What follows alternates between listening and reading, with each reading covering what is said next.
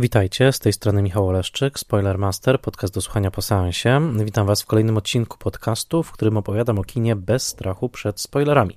Zapraszam Was do posłuchania odcinka, jeżeli widzieliście już film, o którym mówię, ewentualnie jeżeli nie boicie się spoilerów. Spoilermaster jest podcastem w całości utrzymywanym przez patronki i patronów w serwisie patronite.pl. E, serdecznie zachęcam Was do odwiedzenia mojego profilu patronite.pl łamane przez Spoilermaster. Misją Spoilermastera jest popularyzacja wysokojakościowej wiedzy o kinie i jest on i pozostanie podcastem darmowym. Jeżeli zechcecie jednak wesprzeć moją pracę przy tym podcaście, będę Wam bardzo zobowiązany. Zachęcam do odwiedzenia mojego profilu, zapoznania się z programami wsparcia i z bonusami, takimi jak grupa zamknięta na Facebooku, cotygodniowy, obszerny newsletter, w którym polecam najciekawsze pozycje kinowe i VOD, a także comiesięczne webinary na żywo. Serdecznie w tym momencie chcę podziękować moim patronkom i patronom imiennym, a zatem Festiwalowi Mediów Człowiek w Zagrożeniu w Łodzi, Michałowi Hudolińskiemu ze strony Gotam w deszczu, Dianie Dąbrowskiej z Akademii Włoskiego Kina, Agnieszce Egeman, Odjemu Hendersonowi, Beacie Hołowni, Annie Jóźwiak, Tomaszowi Kopoczyńskiemu, Władimirowi Panfiłowowi, Bartkowi Przybyszewskiemu z bloga Liczne Rany Kłute i podcastu o latach 90. Podcastex, Mateuszowi Stępniowi, Jerzemu Zawadzkiemu i Tomaszowi Mączce, autorom podcastu Let's Make Movies, prezentującego ciekawe analizy filmowe, blogowi Przygody Scenarzysty, prezentującego analizy scenariuszowe, a także portalowi Outfilm, oferującemu szeroki wybór filmów o tematyce LGBT+.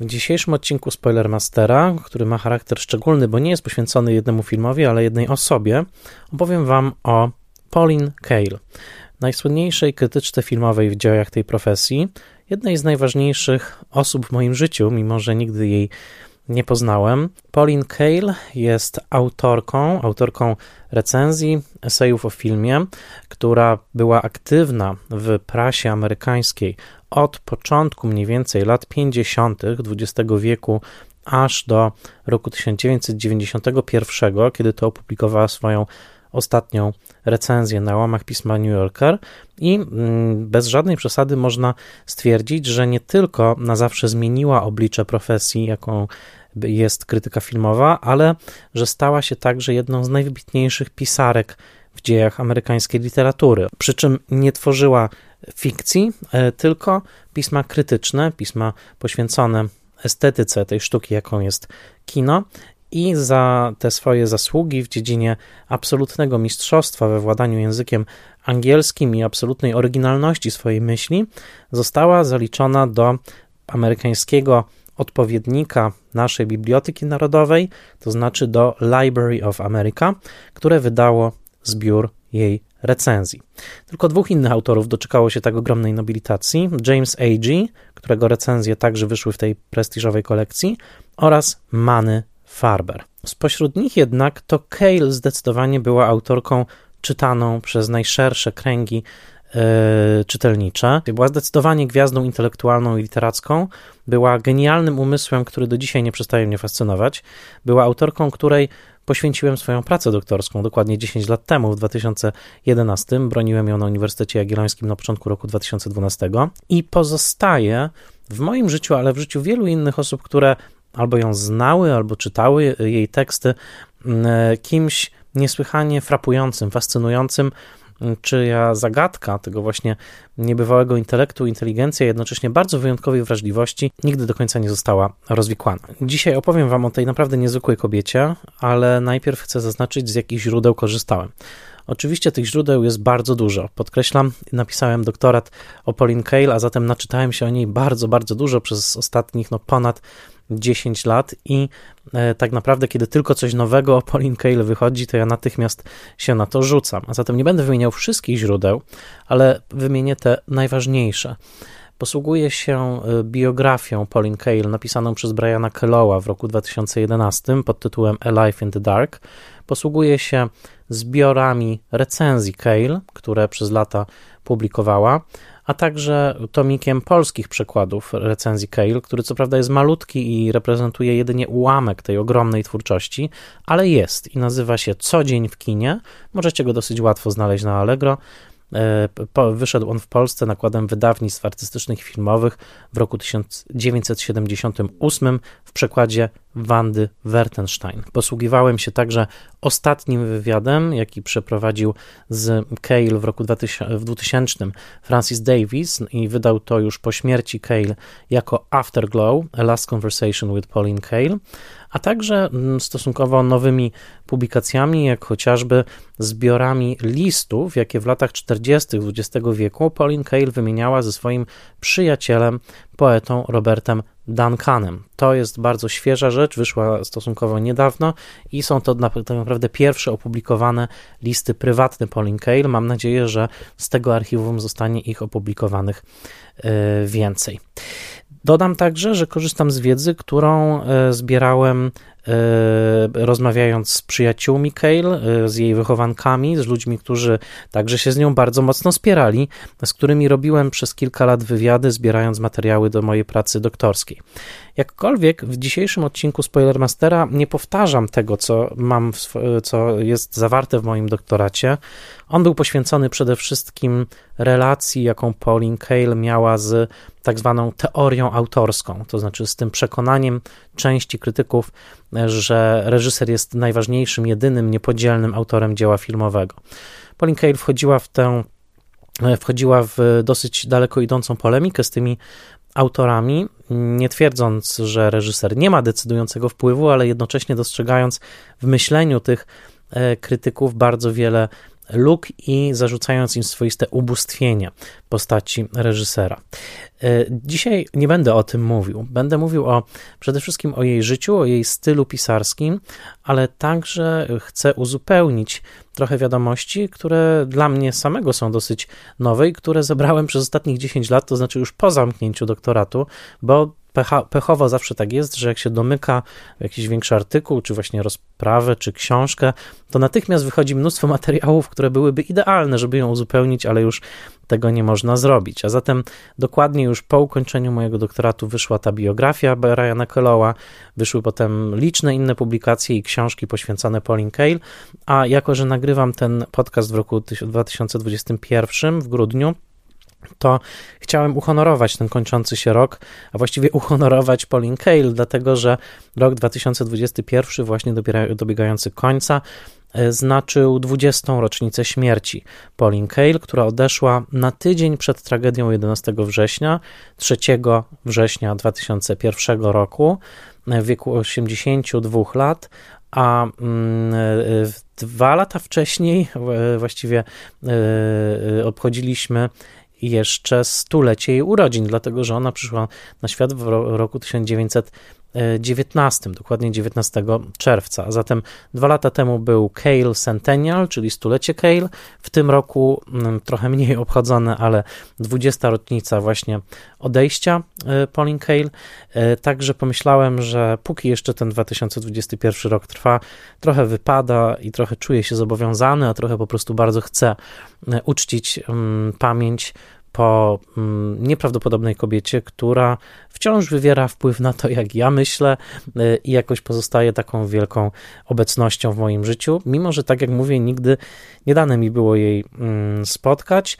Y, na szczęście dane mi było y, spotkać i gościć w domu córki Pauline Kael, Ginny James, z którą także dużo rozmawiałem o matce i dzisiaj chcę Wam troszkę przekazać właśnie takiego mojego subiektywnego spojrzenia na Kael, ale także podzielić się pewnymi odkryciami, które o ile e, oczywiście mm, nie są odkryciami, które wstrząsną światem, ale jednak uważam je za ważne, e, zwłaszcza dotyczącymi e, biografii i pochodzenia Pauline Kael, właściwie jej korzeni. I od tego chyba zacznę, dlatego że w największym skrócie, gdybyśmy tworzyli taką krótką, kapsułkową notkę biograficzną, no to e, przedstawię Wam Pauline Kael tak.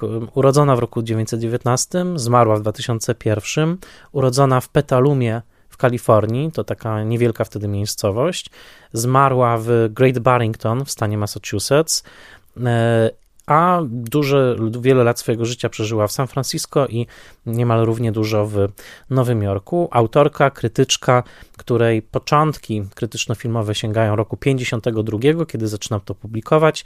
Przez następnych kilkanaście lat próbuje dostać się do e, pism o większej poczytności. W końcu w roku 68 staje się główną recenzentką pisma New Yorker i aż do 1991 jest recenzentką główną w tym piśmie. Jej zebrane setki recenzji wyszły w postaciach książkowych, można je po antykwariatach zdobywać. Jak na razie mówię po polsku, jest tylko bardzo malutka ich część. I oczywiście była krytyczką, która miała niesłychanie e, ostre pióro, jednocześnie bardzo bystry intelekt i niesłychanie rozległą wiedzę. To jest chyba jedna z cech Pauline Kael, która naprawdę trzeba, o której trzeba pamiętać. E, I była autorką niesłychanie opiniotwórczą. To w takim największym skrócie. Za chwilkę to jeszcze rozwinę, ale chcę mm, zacząć od tego, że Pauline Kael, słynąca właśnie z tego bardzo takiego niepokornego intelektu i um, takiej wręcz awersji do podążania szlakiem, którym podąża w danym momencie tak zwany duch czasu. Ona zawsze była raczej skłócona z duchem czasu yy, i była taką dziką indywidualistką, jeżeli chodzi o yy, właśnie yy, swoją myśl.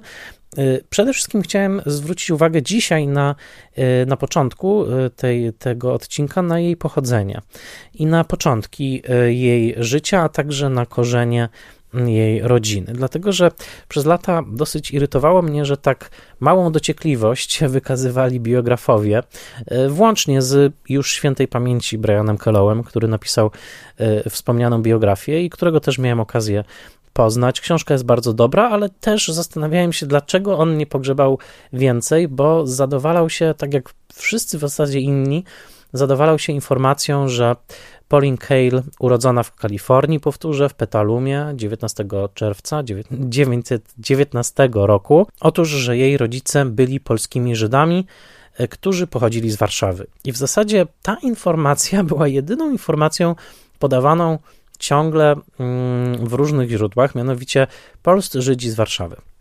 No dobrze, brzmi bardzo dobrze, bardzo ciekawie, ale trochę zawsze mnie to zastanawiało, a zwłaszcza od momentu, jak się przeprowadziłem do Warszawy. No dobrze, ale gdzie oni tu mieszkali, kim oni w ogóle byli, y, czy wiemy coś więcej o korzeniach tej rodziny.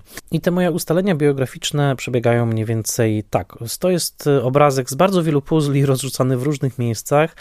Ogromną rolę tutaj pomocniczą odegrali dr Roman Włodek, pani Maureen Morris, a także córka Pauline Kael, Gina James, która też pomogła mi trochę te e, puzzle poukładać. Tutaj nie będę zdradzał żadnych tajemnic rodzinnych, tylko raczej układał puzzle, które i tak są rozsypane w rozmaitych miejscach internetu i archiwów, tylko że no, potrzeba kleju, który to wszystko składa i jak do tej pory nie spotkałem się z publikacją, która by rzeczywiście to robiła, a zatem można pewne fakty ustalić. Przede wszystkim ważne jest, że nazwisko rodziny Kailów jeszcze w Polsce brzmiało Kloc. Kloc pisane przez TZ. Ojciec Pauline Kael nazywał się Itzak, urodził się w 1874 roku w Nowym Dworze, cokolwiek to oznacza, ponieważ może to być Nowy Dwór Mazowiecki, może to być jeden też z wielu innych nowych dworów rozsianych w różnych e, miejscach, aż po Białoruś, z tego co się orientuje, ale tak czy inaczej urodził się właśnie w Nowym Dworze. Wiemy na pewno, że jego syn Louis przyjdzie na świat w 1907 roku w Pruszkowie, a zatem no, gdzieś tutaj należy lokalizować te, powiedzmy, ich trajektorię poruszania się. Natomiast y, Isaac Cale, którego ojciec z kolei, co też udało się ustalić, nazywał się Moritz, y, Moritz Klotz, Isaac Cale był raczej z mm, no, takiej żydowskiej biedoty. W każdym razie na pewno nie był, nie był zamożny. Co innego matka, co innego matka Pauline Cale, to znaczy Jeta albo Judith Friedman, która urodziła się, była młodsza od swojego męża, urodziła się w 885 roku w Warszawie.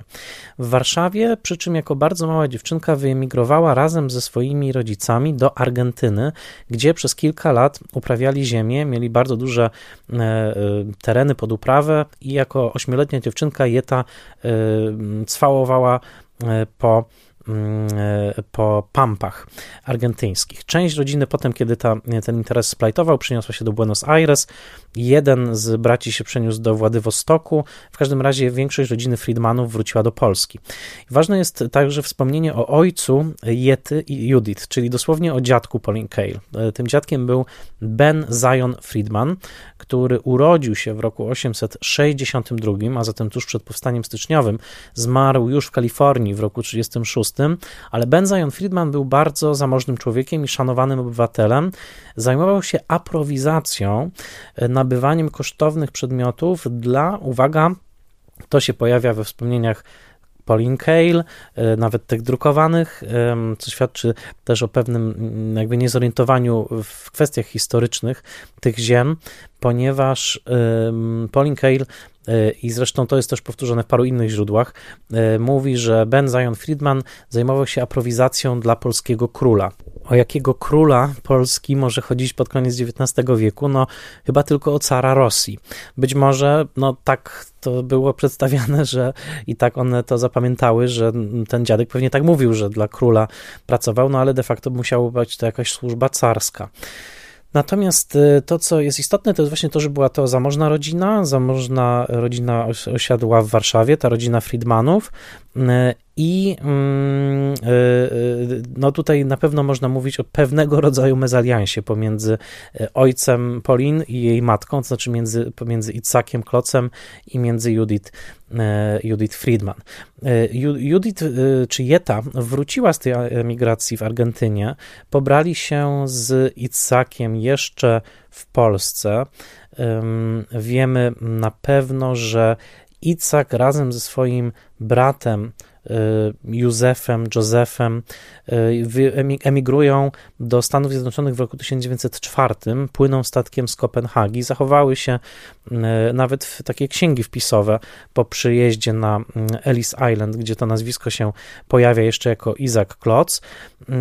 I w 1910 roku Isaac Klotz jest już jako oczywiście Isaac Cale naturalizowanym obywatelem Stanów Zjednoczonych. I też można w internecie, jeżeli tylko poszperać, można znaleźć nawet takie właśnie papiery naturalizacyjne, gdzie on rezygnuje z bycia poddanym cara Mikołaja II i wybiera y, obywatelstwo amerykańskie. To jest rok 1910.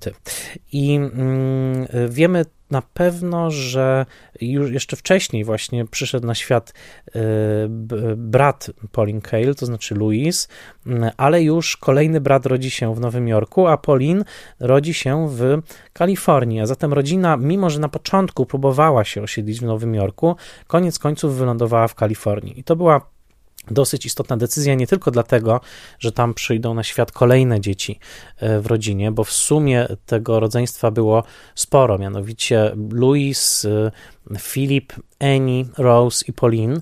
E, Pauline była najmłodsza z tej gromadki, e, ale bardzo istotne było właśnie to, że oni wybrali życie w Petalumie. E, to znaczy, Petaluma w Kalifornii była bardzo szczególnym miejscem, dlatego że, tak jak pisze historyk tego miejsca w książce dosłownie Towarzysze i hodowcy kur, historia pewnej żydowskiej społeczności w Kalifornii, Kenneth Khan, to była taka społeczność, do której emigrowali bardzo progresywnie nastawieni, socjalistycznie i syjonistycznie nastawieni Żydzi z Europy Wschodniej przede wszystkim, ale też z Niemiec, e, którzy chcieli tworzyć coś na kształt takiej nowoczesnej, raczej zeświadczonej wspólnoty o wysokiej kulturze politycznej, wysokiej kulturze intelektualnej i bardzo takim rozwibrowanym życiu kulturalnym. I ów Isaac Cale, właśnie urodzony na ziemiach polskich w latach 70. XIX wieku, nieprawdopodobnie dobrze się odnalazł w tej rzeczywistości mm, petalumy, tej rodzącej się społeczności i e, był tam bardzo szanowanym obywatelem. Nie tylko, że e, trudnił się tym, czym trudniono się w Petalumie i czym trudnili się, czym trudnili się ci żydowscy imigranci, to znaczy miał swoją fermę kurzą, dlatego że e, Petaluma była wtedy nazywana kobiałką Ameryki. Tam powstawały coraz to większe właśnie fermy kurze. Na takiej fermie kurzej wychowywała się Pauline Kael w pierwszym okresie życia. E, nie tylko, że świetnie mu ten interes szedł, e, rozwijał się, jajka z Petalumy były słynne, docierały do San Francisco, niedaleko zresztą na zachodnim wybrzeżu i nawet do Nowego Jorku były e, eksportowane, a zatem to była taka też biznesowo, mm, mm, agro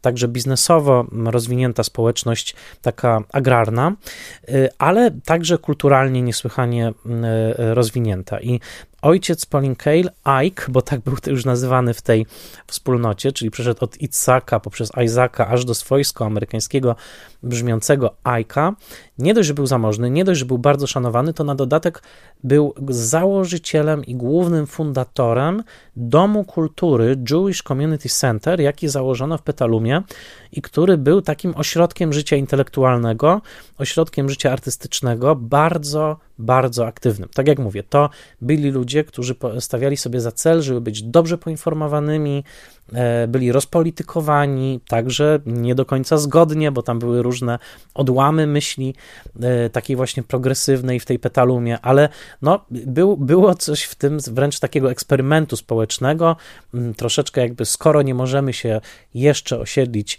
w Palestynie, to spróbujmy osiedlić się tutaj i zbudować taką właśnie nowoczesną żydowską tak jak mówię, raczej świecką, bo synagoga nie odkrywała tam tak wielkiej roli, przynajmniej nie od razu. E, to życie religijne, jak pisze Kenneth Kahn, odrodzi się tam dopiero później i wprowadzi to raczej pokolenie dzieci i wnuków, niż tych właśnie założycieli, którzy jednak uciekali od tych skojarzeń ze Starym Światem, czyli z tą Europą, którą zostawiali za sobą. E, właśnie w takim miejscu wyrastała Pauline Kelly. Trochę nic dziwnego, że była tak mocno zachęcana do lektur, właśnie do czytania, do nauki przez rodziców. Ona sama w niektórych miejscach wspomina, że potrafiła spędzić czas na tej kurzej fermie po prostu w hamaku po południu, patrząc jak słońce zachodzi, a jednocześnie pochłaniając e, jedną książkę dziennie. I ona tych książek czytała wtedy dosłownie setki, a wieczorami chodziła do, do kina. I ponieważ miała niesłychanie żywy, chłonny umysł, no to potem to się rzeczywiście ujawnia w jej E, w jej twórczości, ponieważ no, nie znam drugiej krytyczki, nie znam drugiego krytyka, e, który byłby, miałby porównywalny sposób odczytania, zwłaszcza jeżeli chodzi o literaturę piękną i o historię e, właśnie literatury. Ona szczyciła się tym, że kiedy zaczynała czytać jakiegoś autora, to nie przestawała, aż nie przeczytała wszystkich jego dzieł, które tylko były dostępne i wydane. Między innymi mówiła, że przeczytała w ten sposób całego Henry'ego Jamesa, całego Faulknera, całego Prusta, a ponieważ miała coś w rodzaju pamięci absolutnej, E, do fabuł, do imion, do nazwisk, e, twierdziła, że nawet po wielu, wielu latach była zdolna rozrysowywać zależności pomiędzy postaciami u Prusta i tak dalej. No, była po prostu genialną, małą dziewczynką, potem młodą kobietą. E, istotnym wydarzeniem w życiu tej rodziny, i tu już dochodzimy do bardzo istotnych spraw, jest to, że E, Ike Cale traci wszystko w momencie, kiedy jest krach na giełdzie, czyli kiedy przychodzi koniec lat 20., tak, e, początek wielkiego kryzysu, e, on traci cały dorobek. Nagle ta rodzina, która żyła zamożnie, bardzo ciężko pracowała też na tą niewielką fortunę, ale jednak straciła wszystko i rodzina musiała się przenieść do San Francisco. Louis Cale, który wypowiada się w tej książce Comrades and Chicken Ranchers, mówi, że Ike Cale nigdy już nie był takim samym człowiekiem, że w wieku 45 lat jego życie się załamało.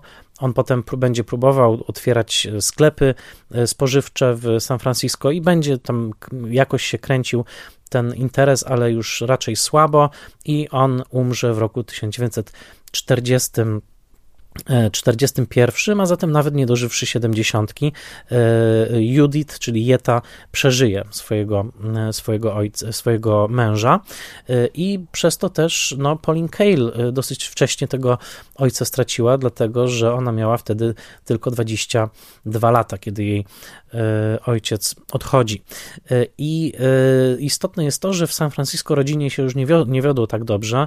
Pauline Kael też dosyć szybko musiała uczyć się zarabiać zarabiać na siebie, musiała pracować czasami także mm, i fizycznie, e, co będzie takim powracającym motywem w jej życiu, kiedy ona będzie próbowała w ogóle jakoś związać koniec z końcem, ale także zanurza się Pauline Kael w latach 30.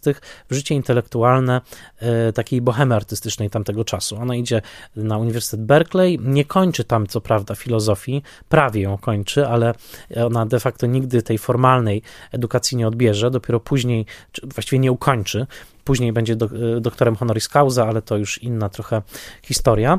Natomiast to jest czas bardzo rozpolitykowany, mocno lewicowy, mocno mm, progresywny.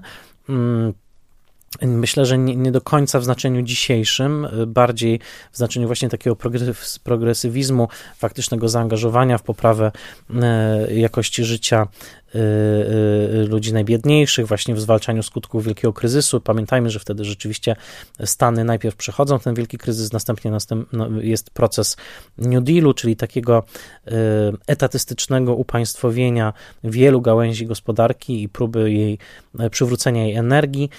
I w tym wszystkim, właśnie w tej epoce Franklina Delano Roosevelta, progresywnych poetów, pisarzy, no, ale także bardzo rozbuchanego modernizmu, eksperymentu z seksualnością, dorasta Pauline Kael i, także już staje się aktywną uczestniczką tej E, tejże sceny. W latach 40. razem ze swoim przyjacielem Robertem Horanem wyjeżdża do Nowego Jorku. Do Nowego Jorku jednak ma dosyć mieszane uczucia w tamtym czasie. Nie udaje jej się też tam jakby zarzucić kotwicy, e, przetrwać, zbudować jakiegoś bezpieczeństwa finansowego. Wraca do San Francisco i wciąż krąży wokół świata kina i przede wszystkim zaczyna ze swoim mężem, krótkotrwałe to było małżeństwo, z Edwardem Landbergiem, prowadzić kino. Kino, które pokazywało filmy artystyczne, międzynarodowe i Pauline Kael zajmowała się tam no, całą logistyką zamawiania kopii, ale także pisała krótkie tekściki, które pojawiały się w katalogu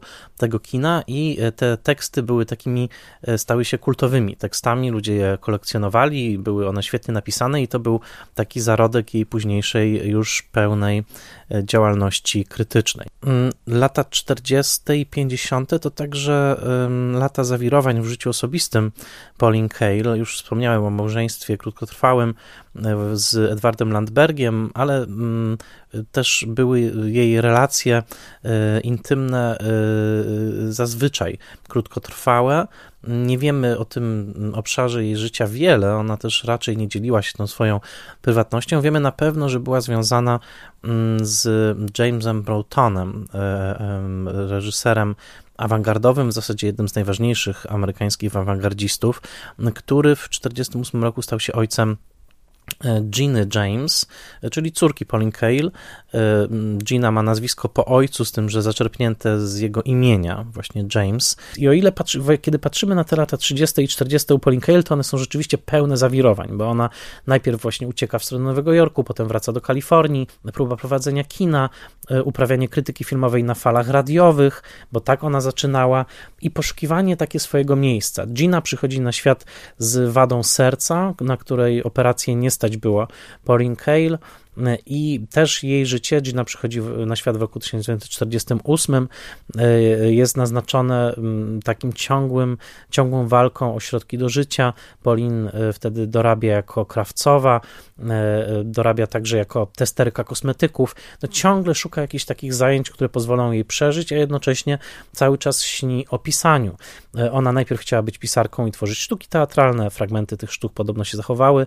Brian Kellow je czytał, mówi, że nie są najlepsze, E, w każdym razie te e, lata 50. to jest czas, kiedy zaczyna się coraz bardziej wykształcać jej głos jako krytyczki i zaczynają się też jej publikacje, jej radiowe występy i de facto koniec lat 50., początek lat 60. to jest taki moment absolutnie przełomowy, dlatego że wtedy ona po pierwsze zaczyna publikować coraz to częściej w pismach dosyć, dosyć rozsianych, takich jak Harper's Bazaar, czy Mademoiselle, czy New Republic, ale także e, w pewnym, w połowie dekady dokładnie e, wychodzą jej e, kolekcje recenzji. Kolekcje pierwsza to I Lost It at the Movies, druga nazywa się Kiss Kiss Bang Bang i stają się one bestsellerami.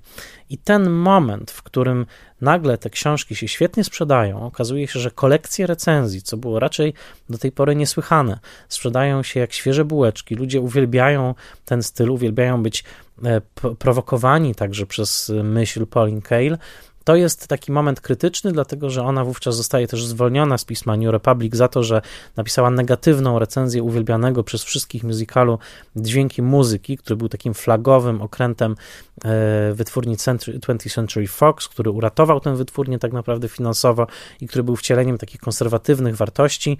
Pauline Kael napisała strasznie ostrą recenzję tego filmu, za to została zwolniona z pisma.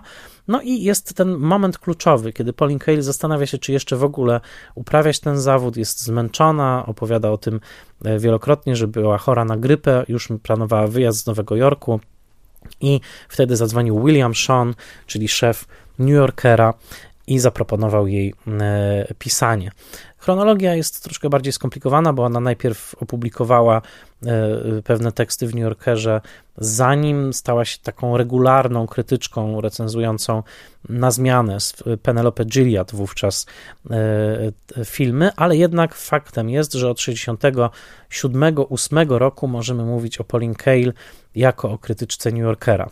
Jej salwą powitalną był gigantyczny esej opublikowany w piśmie New Yorker poświęcony filmowi Bonnie i Clyde.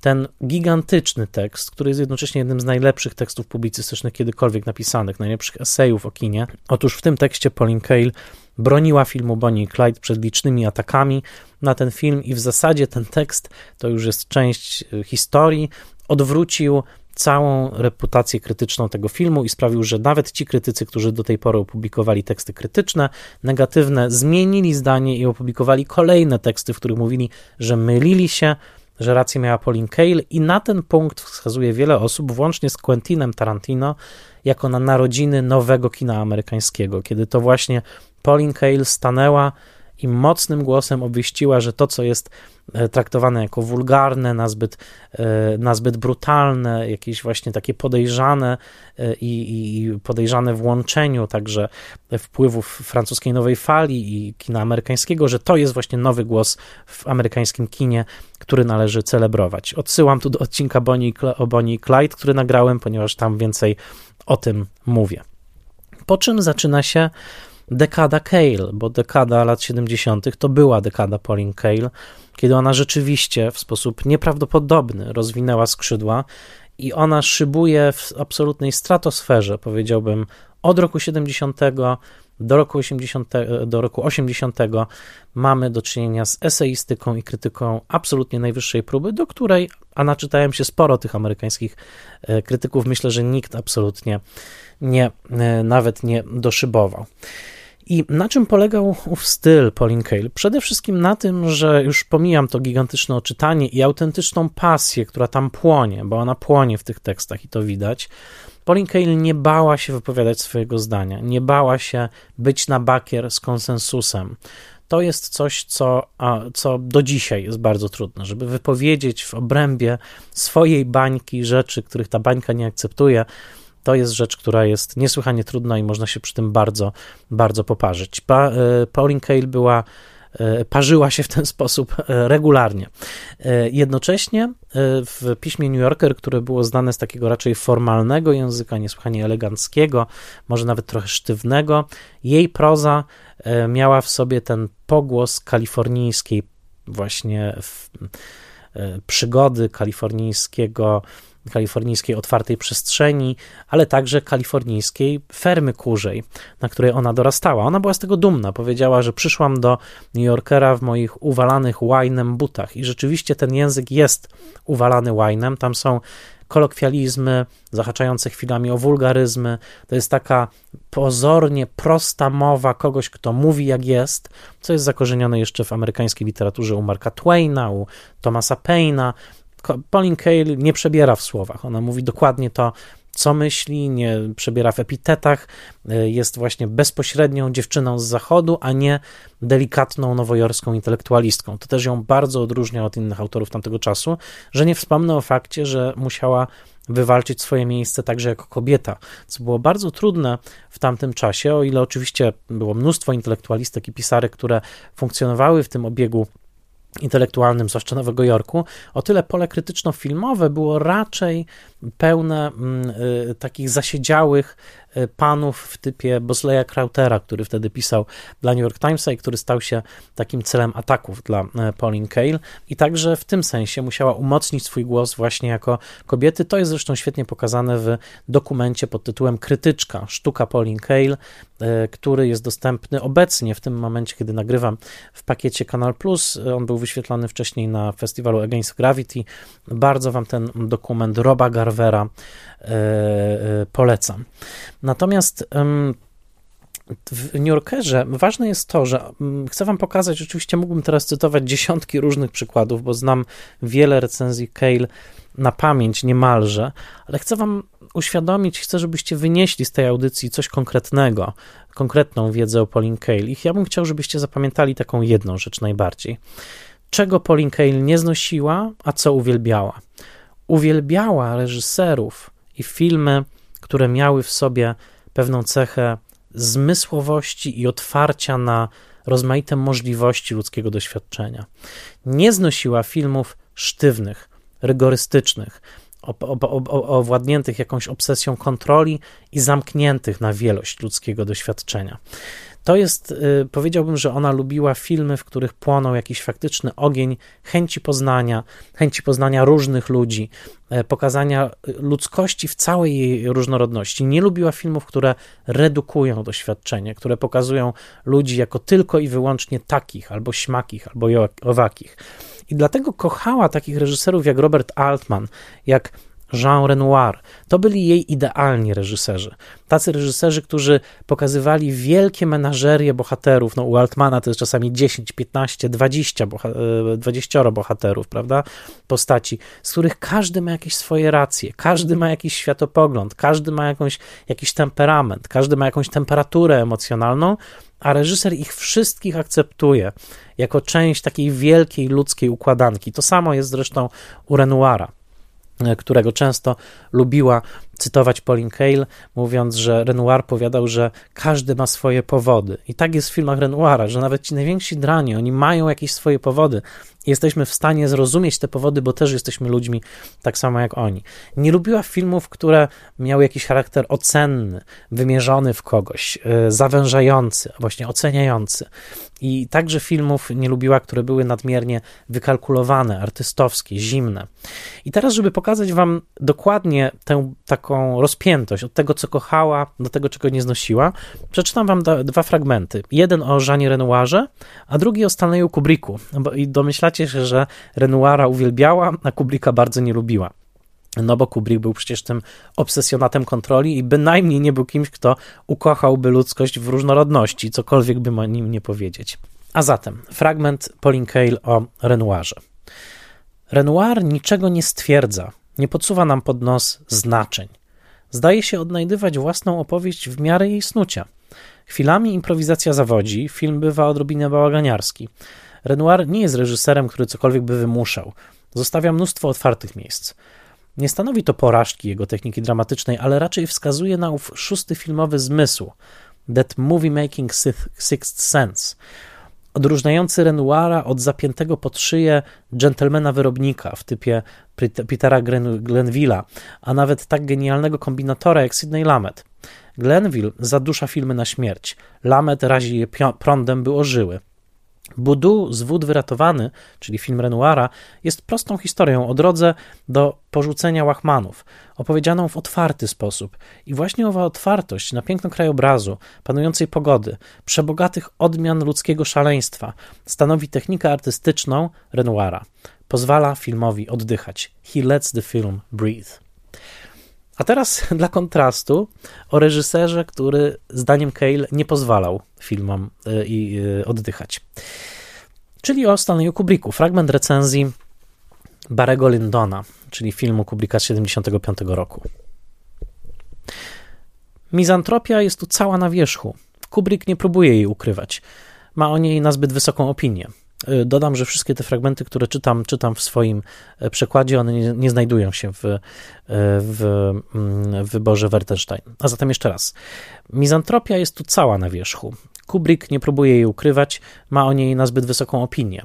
Para sympatycznych postaci, kapitan Grogan czy usłuszna niemiecka dziewczyna, zostaje szybko usunięta sprzed naszych oczu. Kubrick działa w tym filmie z determinacją sędziego rozsmakowanego w serwowaniu najwyższego wymiaru kary. Kiedy tylko dostrzegamy, że syn Barego Brian ma parę roziskrzonych, łobuzerskich oczu, domyślamy się, że reżyser już szykuje śmierć tej postaci. I to podaną tak, by zmaksymalizować nasz ból. Sceny umierania chłopca trwają w nieskończoność, choć przynajmniej Ryan O'Neill może popisać się w nich swoją specjalnością w scenie przy łożu śmierci, kiedy opowiada synkowi ostatnią w życiu bajkę. Jego uśmiech przez łzy jest cudowny. Gdyby Irving Thalberg w Hollywood lat 30. wynajął Antonioniego do reżyserowania Marii Antoniny, efekt przypominałby zapewne właśnie Barego Lindona. Nic poza szarością pudrowanych peruk i wiecznym skurczem filmowanych twarzy. Niektórzy widzowie dają, dadzą się zapewne ponieść temu filmowi, bo jego piękno jest bezsprzeczne, zwłaszcza jeśli ktoś gustuje w skostniałej oziębłości a jako że całość jest w istocie bezkrwistą i wydłużoną ponad miarę wersją kostiumowego melodramatu z lat 30., jest bardzo możliwe, że polubią go także wielbiciele kampu. Tolerancja widza dla Barego Lindona będzie najpewniej zależeć od tego, w jakim stopniu akceptuje on przesłanie Kubricka, wedle którego ludzie są ohydni, a przedmioty przepiękne. Trendem dotychczasowej twórczości Kubricka jest stopniowa dehumanizacja. Tak więc, kiedy Barry i Lady Lindon wykonują swój suchy jak piach taniec godowy, a następnie biorą ślub tak wyprany z życia, że równie dobrze mógłby być zamrożoną stopklatką, wydaje się, że Kubrick wreszcie osiągnął na ekranie swój cel i pokazał nam wesele robotów. Ten film jest arcydziełem w najmniejszym detalu i żaden z tych detali nie ma najmniejszego znaczenia. Marzy mi się, żeby Kubrick w końcu wrócił do naszego kraju, czyli do Stanów, i kręcił filmy tutaj, pracując szybciej, skupiając się na tematach współczesnych. Może nawet, żeby zrobił jakąś kiczowatą taniochę, po prostu dla frajdy filmowania. W jego wczesnym zabójstwie The Killing było więcej radości realizacyjnej niż w Barem Lindonie. Co więcej, po wyjściu tam, z tamtego filmu człowiek nie czuł się, jakby właśnie przybyło mu kilka lat życia. Dla Kubricka niepowaga przestała w ogóle istnieć. Jego sposób pracy narzuca na sobie izolacja, całe lata przygotowań, potęgujące napięcie towarzyszące każdemu projektowi sprawiły, że obecnie w kinie Kubricka nie ma już w ogóle wolnej przestrzeni między klęską a arcydziełem. I to napięcie jest aż nadto widoczne. Musi mieć jakieś znaczenie fakt, że w filmie o rozwiązłym bohaterze zamieszkującym rozwiązły świat, jedynym rozbłyskiem cielesności, jeśli nie wręcz jedynym rozbłyskiem silniejszej emocji, jest scena brutalnego lania, jakie spuszcza Bary swemu synowi. Moment, w którym jedyna emocja, jaką reżyser dopuszcza do swego filmu, jest moralnie i fizycznie wstrętna, być może jest tym momentem, w którym powinien odwrócić się od gigantycznych, twardszych od skały projektów. Te słowa zostały napisane 29 grudnia 1975 roku w, mm, w New Yorkerze. Na tym takim diapazonie chcę Wam pokazać te skrajności w ocenie Pauline Kael jest gorąca dla, dla Renoira, dlatego że czuje w nim tę otwartość i miłość do ludzi, nie pojętą sentymentalnie, tylko pojętą na głęboko humanistyczny sposób. W przypadku e, Kubricka wyczuwa w nim tą obsesję kontroli i właśnie chłód, który pozwala Kubrickowi postawić się ponad nami i ponad postaciami pokazywanymi w filmie, co natychmiast powoduje u Pauline Kael rodzaj alergicznej wysypki, dlatego że ona była z ducha niesłychanie demokratyczna i antyelitarna. To był jej kolejny, e, kolejna cecha, że ona nigdy nie ufała elitom intelektualnym, oczywiście sama do nich należąc, ale dostrzegając jednocześnie ich niebywałą skłonność do narcyzmu, do e, także do pewnego takiej wsobności, która często paraliżuje faktycznie oryginalną myśl, kiedy tylko się pojawia i każe także zadziobać tych, którzy myślą inaczej niż mainstream wspaniale krytykowała na przykład elity w takim krótkim zdaniu o filmie Stevena Spielberga Sugarland Express. Jeśli istnieje coś takiego jak zmysł filmowy, w oryginale to jest movie sense, a myślę, że istnieje, Znam straganiarzy i kierowców taksówek, którzy go posiadają, oraz krytyków filmowych, którym go brakuje. Spielberg naprawdę go ma. Być może, że ma go w takim nadmiarze, że nie posiada wiele ponad niego. A zatem tutaj ona mówi, że niektórzy taksówkarze i straganiarze naprawdę lepiej znają się na filmach niż mądre głowy, które piszą eseje dla filmowych e, pism. Cale słynęła także z opisywania aktorów i, nie, i robiła to tak jak nikt inny. Ja nie znam drugiego pióra ani po angielsku, ani po polsku, który tak znakomicie opisywałoby fizyczność aktorów i to, w jaki sposób poruszają się na ekranie.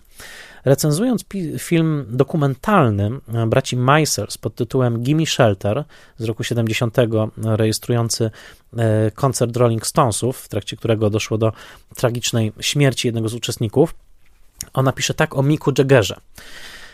Mick Jagger, najbardziej polimorficznie perwersyjna gwiazda od czasu Marilyn Monroe, jest hiperaktywny i narcystyczny, kiedy występuje na scenie. W jego kontroli i dominacji nad publicznością jest coś sadystycznego. Nawet ci, którzy go nie znoszą, a wiele młodych dziewcząt wykazuje podobno taką właśnie reakcję, przyznają, że jest olśniewający. Oczekujemy prawie, że pod koniec występu zostanie złożony w krwawej ofierze przez własną publiczność. Natomiast poza sceną wydaje się wycofany, niegroźny, blady, ów uaktualniony zombie w stylu mod bardzo ładnie wydyma usta i uśmiecha się z pozbawioną znaczenia słodyczą wcześniejszych gwiazd piosenki. Trochę jak młody Sinatra, którego zresztą fizycznie przypomina.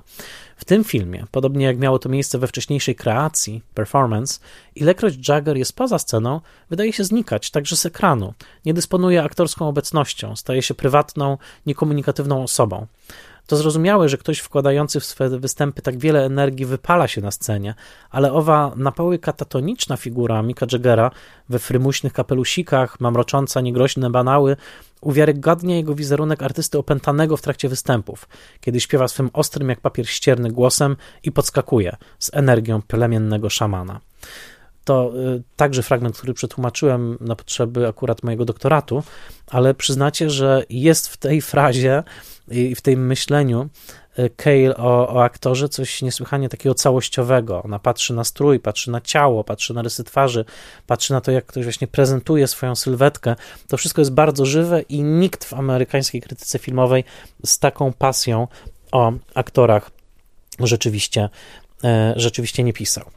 I właściwie no, całe lata 60., 70., y, przepraszam, i 80. później, to jest czas, kiedy Pauline Kael z recenzji na recenzję wyraża sądy, które najczęściej są niepopularne, często są niesłychanie inspirujące i mm, ten odcinek mógłby trwać pewnie 3 godziny, gdybym wymieniał wszystkie jej najsłynniejsze recenzje, którymi e, wywoływała skandale. No, nie podobał jej się na przykład francuski łącznik e, Friedkina.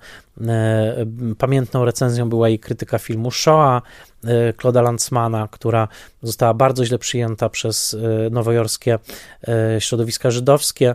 Ona ten film bardzo mocno skrytykowała i tak dalej, i tak dalej. Tych takich cos celebre, jej słynnych recenzji było dużo, między innymi jej absolutnie entuzjastyczna recenzja filmu Nashville Roberta Altmana była taką recenzją, która właściwie stworzyła natychmiastowo reputację tego filmu jako arcydzieła. W tej audycji, w tym odcinku oczywiście nie mam przestrzeni, nie mam czasu, chyba że mógłbym cytować, tak jak mówię, w nieskończoność, żeby o tych wszystkich recenzjach mówić. O wielu z nich także możecie usłyszeć w filmie Krytyczka, w tym dokumentalnym filmie, o którym, e, o którym wspomniałem.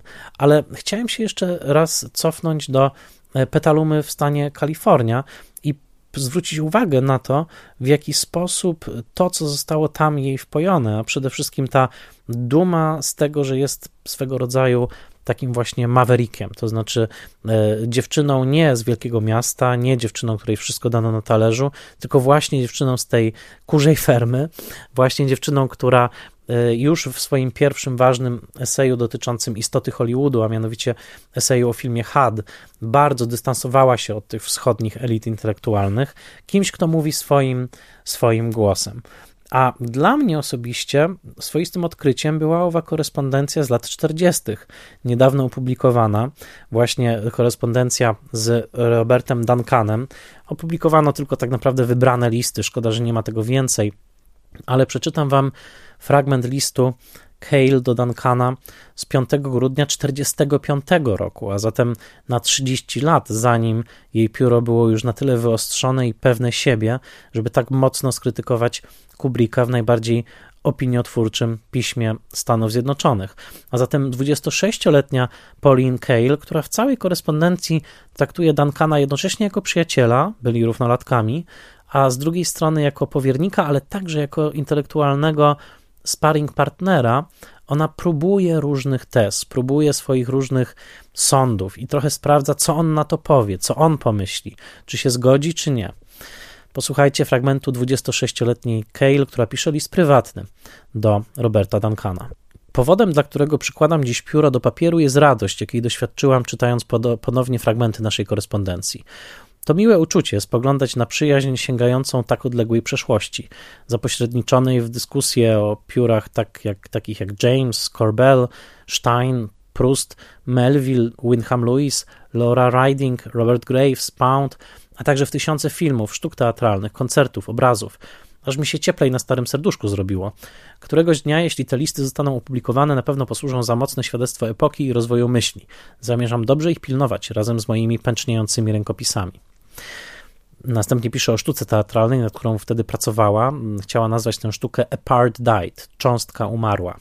Jak wiesz, na pierwszej stronie sztuki chcę posłużyć się mottem w postaci cytatu, zakładając, że sztuka zostanie opublikowana, co samo w sobie jest desperacką prognozą.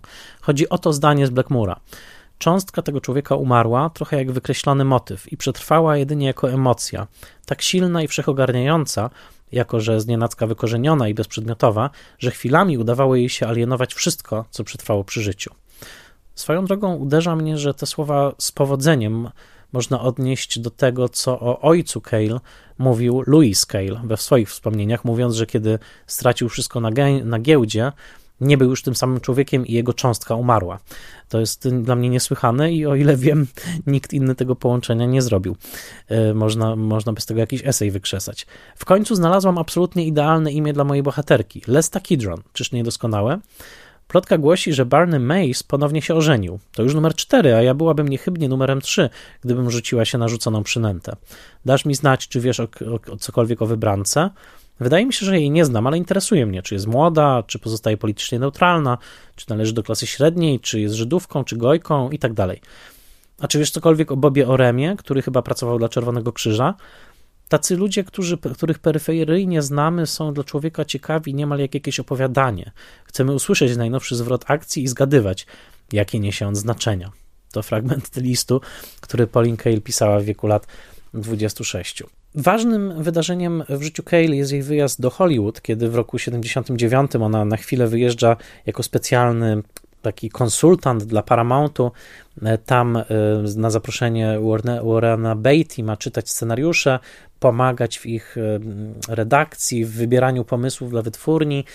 Ten cały epizod jest dosyć podejrzany, dlatego że nie ma wiele informacji o nim. Wiemy na pewno, że Pauline Kael trochę przyłożyła ręki do filmu Love and Money Jamesa Tobacca, ale też nie wiadomo do końca w jaki, w jaki sposób. Spotkałem się z teorią, że to sprowadzenie Pauline Kael do Hollywood, skąd zresztą szybko uciekła, e, była, było takim fortelem Warrena Beatty'ego, który chciał uziemić ją w Hollywood, podczas kiedy on pracował nad swoim wielkim epickim freskiem filmowym Czerwoni, Reds, e, trochę żeby zapobiec sytuacji, w której ona będzie recenzowała ten film, bo bał się, że ona go zjedzie. No ale Pauline Kael wróciła do Nowego Jorku przed premierą Czerwonych i napisała fantastyczną recenzję, to znaczy recenzję bardzo mieszaną, jeżeli chodzi o odczucia, e, ale nie negatywną i, i znakomicie, znakomicie napisaną. Lata 90. to jest y, już mm, właściwie koniec jej kariery. Ona odchodzi z New Yorkera w 91 roku. Pamiętajmy, że mm, wtedy jest już po 70. Y, choruje na chorobę Parkinsona, nie jest w stanie już pisać, nie jest w stanie też jeździć regularnie do Nowego Jorku, bo ona w latach 70. tam co prawda mieszkała, ale później kupiła dom w Great Barrington w stanie Massachusetts, gdzie obecnie mieszka jej córka Gina James, tam ją odwiedziłem. E, i dojeżdżała do Nowego Jorku na pokazy, po czym pisała w Great Barrington. Gina James spisywała jej teksty, dlatego że Pauline Kael zawsze pisała ołówkiem, Gina przepisywała to na maszynie, ale w pewnym momencie już to było fizycznie niemożliwe. A zatem w 1991 roku ona odchodzi z recenzowania, e, zastępuje ją wtedy Terence Rafferty w New Yorkerze, później Antony Lane, później David Denby siedzieli z Lane'em pół na pół. Obecnie jest przede wszystkim Antony Lane. w New Yorkerze. W każdym razie ta ostatnia dekada jej życia przebiega w ten sposób, że ona mieszka w Great Barrington, pogłębia się choroba Parkinsona, ale ona wciąż ogląda filmy, oglądała też dużo telewizji e, z Francisem Davisem w tej ostatniej rozmowie. Mówi o tym, jak bardzo uwielbia seks w Wielkim Mieście na przykład i że bardzo jej się podobał pierwszy sezon Rodziny Soprano. Ale co ważne, jeździli do niej także twórcy, pokazując jej e, filmy swoje na specjalnych pokazach w lokalnym kinie, specjalnie dla niej, projekcje tylko dla niej. Tak na przykład Wes Anderson pokazał jej film Rushmore e, właśnie na takim pokazie. E, e, I było więcej takich pokazów. Pod koniec życia ona mówiła, że lubiła takich twórców jak chociażby David O. Russell. Bardzo podobał jej się film Złoto Pustyni, to jest rok 1999, ale to są już ostatnie seanse. Pauline Kael odchodzi w roku 2001, jako się rzekło, 3 września, tydzień przed tragicznymi zamachami na e, World Trade Center. Nie zobaczyła już Nowego Jorku zranionego tymi atakami, ze zburzonymi wieżami.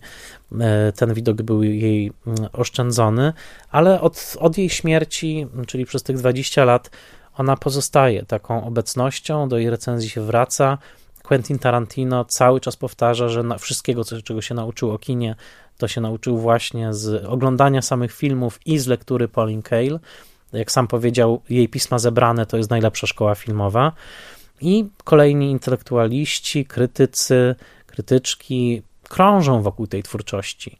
Nikt już nie będzie taką krytyczką jak Pauline Kael i mówię to z całą odpowiedzialnością. Kształtowała ją tak mocno kultura literacka, e, która była zupełnie inna od dzisiejszej kultury internetowej, że osoby o tak spójnym i tak szerokim horyzoncie uważam, że już nie będzie w tym głównym nurcie myśli, bo po prostu nie ma już tych intelektualnych sanktuariów, które kształciły ludzi o tak uporządkowanej wiedzy. Żyjemy jednak w epoce o wiele większego e, rozproszenia i ciągłej dystrakcji.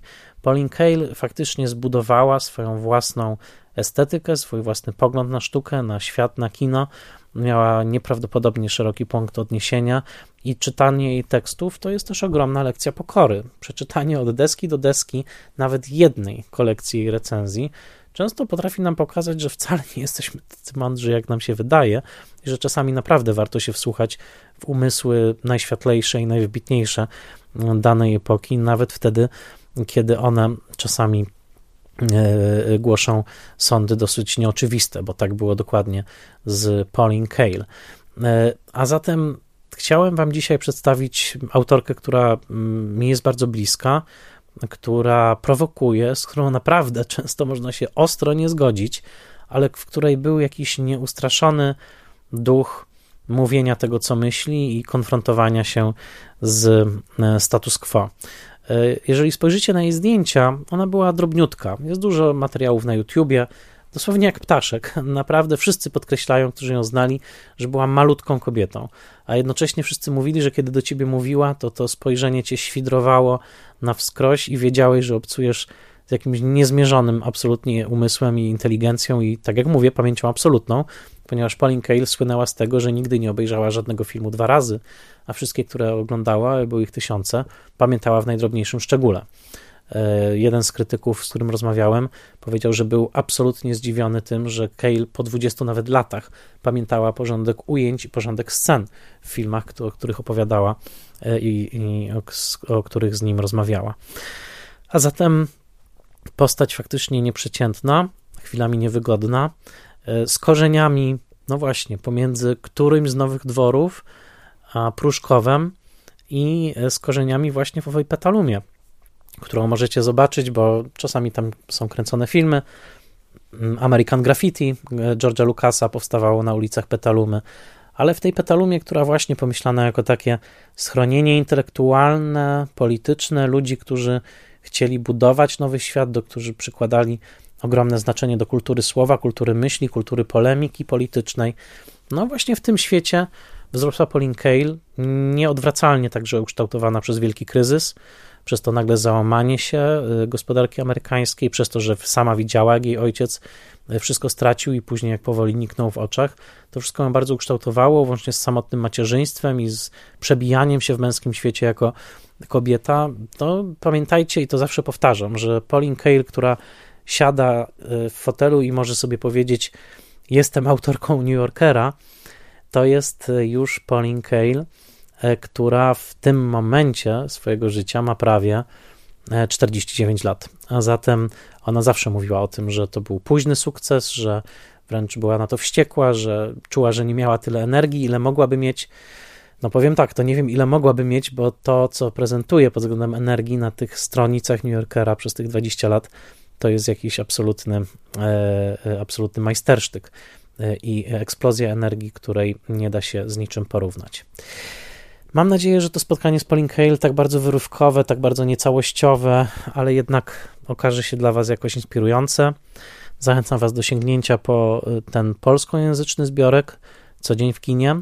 Zachęcam was, was, też do sięgania po film dokumentalny Krytyczka, po materiały na YouTubie, no i po kolekcję recenzji Kale. Y, trochę trzeba zawsze y, się przygotować na to, że zetkniecie się z sądami, które was zaskoczą, ale jak raz posmakujecie w jej poczuciu humoru i w tym absolutnie szczerym omawianiu tego, co jej się podobało, a co nie, to jest to trochę uzależniające i znam ludzi, to są często moi przyjaciele, którzy uzależnili się od Pauline Kael i jesteśmy w stanie nawet wzajemnie cytować sobie fragmenty i e, zaśmiewać się przy tym, po prostu ciesząc się z tego, że taka osoba była i że stała się częścią także e, naszych myśli, naszych punktów odniesienia, naszych światopoglądów, naszych wrażliwości.